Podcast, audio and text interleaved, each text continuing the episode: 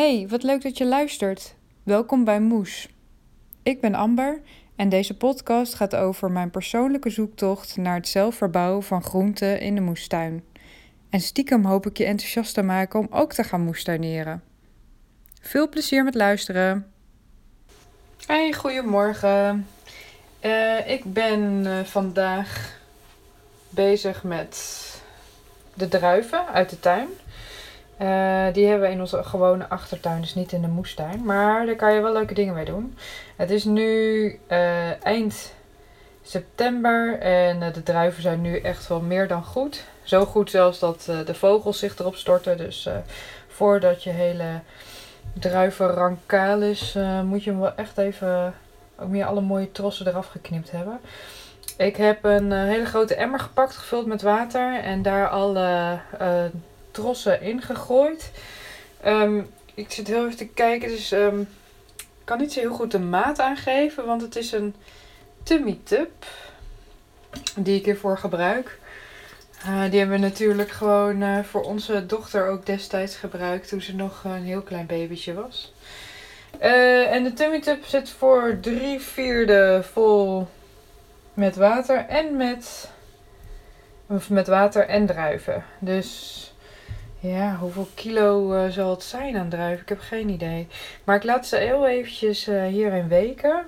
En in het water, zodat alle beestjes en vieze dingetjes, die kunnen er dan van afweken.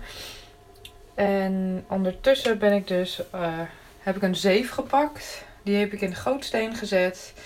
En ben ik uh, de druiven van de trosjes, van de takjes aan het rissen. Zodat er alleen maar druifjes overblijven. Die kunnen dan nog een beetje uitlekken in de, in de zeef. En daarna gaan ze in de pan. En dan gaan ze een uurtje op laag vuur koken, borrelen. Um, dit moet, uh, omdat dan de pectine vrij komt, uh, ik weet niet precies waarom dat is, maar um, om zeg maar een soort gelei of jam te maken, moet het eerst in ieder geval goed doorgekookt zijn. Uh, en dan uh, kunnen we verder gaan met de bewerking. Ondertussen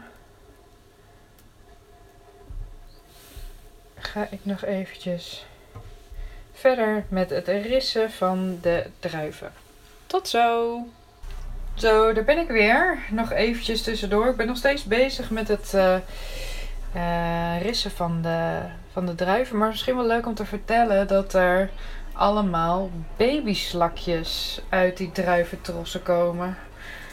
Dus als je, als je afvraagt waar slakken vandaan komen, of in ieder geval waar ze zich vol vreten, dan is dat dus kennelijk uh, in, in druivenplanten verankeren. En nou ja, op zich ook wel slim. Want je hebt natuurlijk lekker die uh, dichtbij. Ik weet eigenlijk helemaal niet of ze dat eten, maar goed. Uh, er zitten er hier in ieder geval 1, 2, 3, 4, 5. Die zitten lekker op het randje van de, van de emmer. alles een beetje te onderzoeken. Um, trouwens, met het het rissen van de, van de druiven zorg ik wel dat ik niet de kleine groene druifjes eraf haal, maar alleen maar de, de wat grotere. Ook niet, zijn ook niet allemaal even groot natuurlijk. Uh, grotere rode druiven. Dit is een rode druivenplant die wij hebben staan. Dus zo uh, maak ik al meteen een eerste selectie van wat ik een mooie druif vind. En de rest uh, ja, gooi ik weg. En rond deze tijd gaan de druiven die gewoon goed rijp zijn, die gaan er ook gewoon goed van af. Dus dan hoef je eigenlijk maar heel weinig kracht te zetten. En dat betekent eigenlijk dat alle andere die er gewoon aan, die niet zo makkelijk loskomen, nou, die moet je dan misschien ook gewoon niet gebruiken. Die zijn misschien nog wel heel erg zuur. Deze druiven die zijn uh, zo zoet dat ik zo meteen voor de gelei, ik heb namelijk al een uh, proefbatch gemaakt van uh, anderhalf potje. Ehm, dat ik voor deze gelei geen eh, suiker erin ga doen. Eh, ik probeer zoveel mogelijk suiker te vermijden, zoals jullie al eerder in een podcast hebben gehoord. Dus ik ben heel blij dat deze mega zoet zijn geworden door lekker heel lang in de zon te hangen. En uh, hoef ik er eigenlijk alleen maar uh, geleipoeder. Ik ga heel even kijken waar het zakje is. Ik gebruik geleermiddel van Bio Vegan. Heb ik bij de Ecoplaza vandaan. Maar daar hebben ze heel veel keuze. Dus dit is gewoon. Ik dacht, dit lijkt me een goede. Niet specifiek een hele goede reden daarvoor. Maar uh, ik dacht, ik ga deze proberen. Nou, dan ga ik nog weer even verder met het rissen van de druifjes. Ik ben nu ongeveer, nou, ik heb nu een halve zeef vol en ik heb nu nou, een derde van de druiven gedaan. Dus ik mag nog eventjes. Alright, uh, de druiven hebben nu nou, iets meer dan een uur op heel laag vuur uh, gekookt, geborreld. Het vuur ga ik nu uitzetten.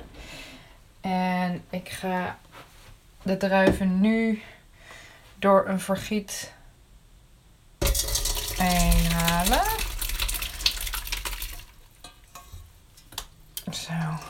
Ik heb een vergiet over een grote,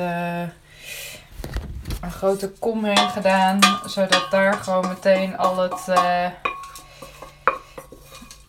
uh, al het sap in kan. En dan kan ik ondertussen even mijn uh, pan afspoelen. Zodat hier gewoon het sap zo meteen weer in kan. Oh ja. Dat is echt een logistiek ding dit. Omdat we uh, ook niet zo'n hele grote keuken hebben. Dus um, het is soms even een beetje pas en meten. Maar het gaat prima. Zo, deze haal ik even leeg. Je hoort allemaal pitjes. Gooi ik weg. Zo, de pan kan weer op het fornuis. Dan ga ik nu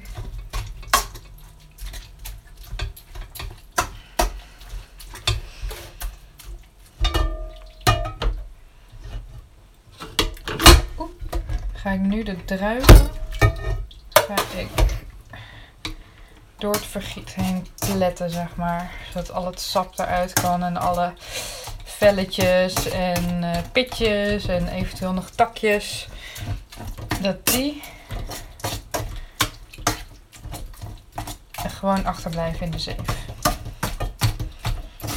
Ik gebruik gewoon een vrij grove, stevige zeef van de Ikea.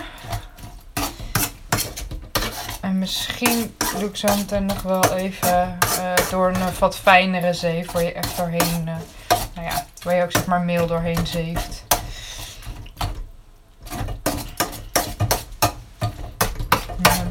Onwijs veel uh, vel over, velletjes over. Dus ik ga eerst, laat het even uitlekken. Pak ik alvast even die andere zeef. En dan ga ik zo meteen het uh, sap wat er al uit is, ga ik alvast weer in de pan doen. Um, en zo meteen kan ik het weer aan de kook gaan brengen, als ik het goed heb. Ga ik het aan de kook brengen. En dan ga ik de geleer, uh, het geleermiddel erin doen.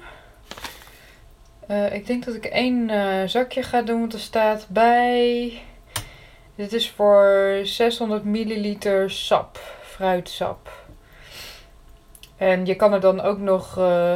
daarop kan je dan 300 gram droge zoetstof doen. Maar dat doe ik dus niet.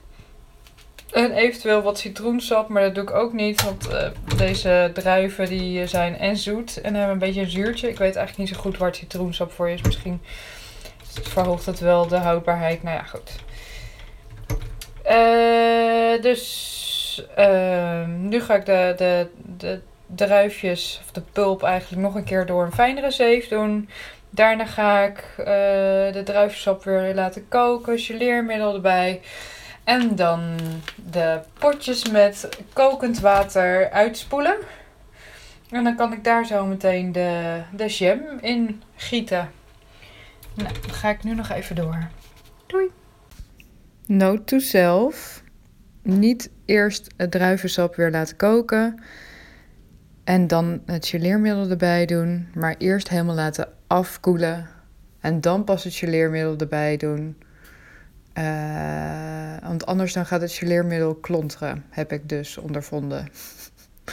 Uh, maar voor, bij de volgende batch is het beter gegaan. Dan heb ik eerst de druivensap helemaal laten afkoelen, geleermiddel erbij, roeren, uh, op laten warmen en dan wordt het dikker.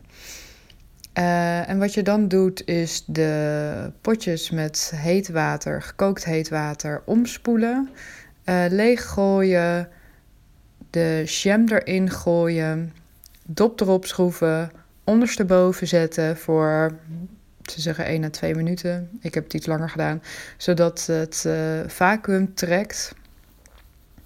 En dan uh, kan je ze weggeven aan iedereen die het wil. Um, de jam die ik had gemaakt, die bleef, ik denk een week of drie goed. Dus wie weet is het, uh, zou het met citroensap erbij nog wel langer goed gebleven zijn. Uh, maar ik moet eerlijk zeggen dat de meeste jam was wel binnen anderhalve week of zo op hoor. En het was heerlijk. Uh, ik heb geen klachten verder gehoord van degene die een potje hebben gekregen. Ze leven wel nog allemaal, dus het was allemaal safe. Uh, nou, heel veel plezier met het maken van je eigen jam volgend jaar. Tot ziens.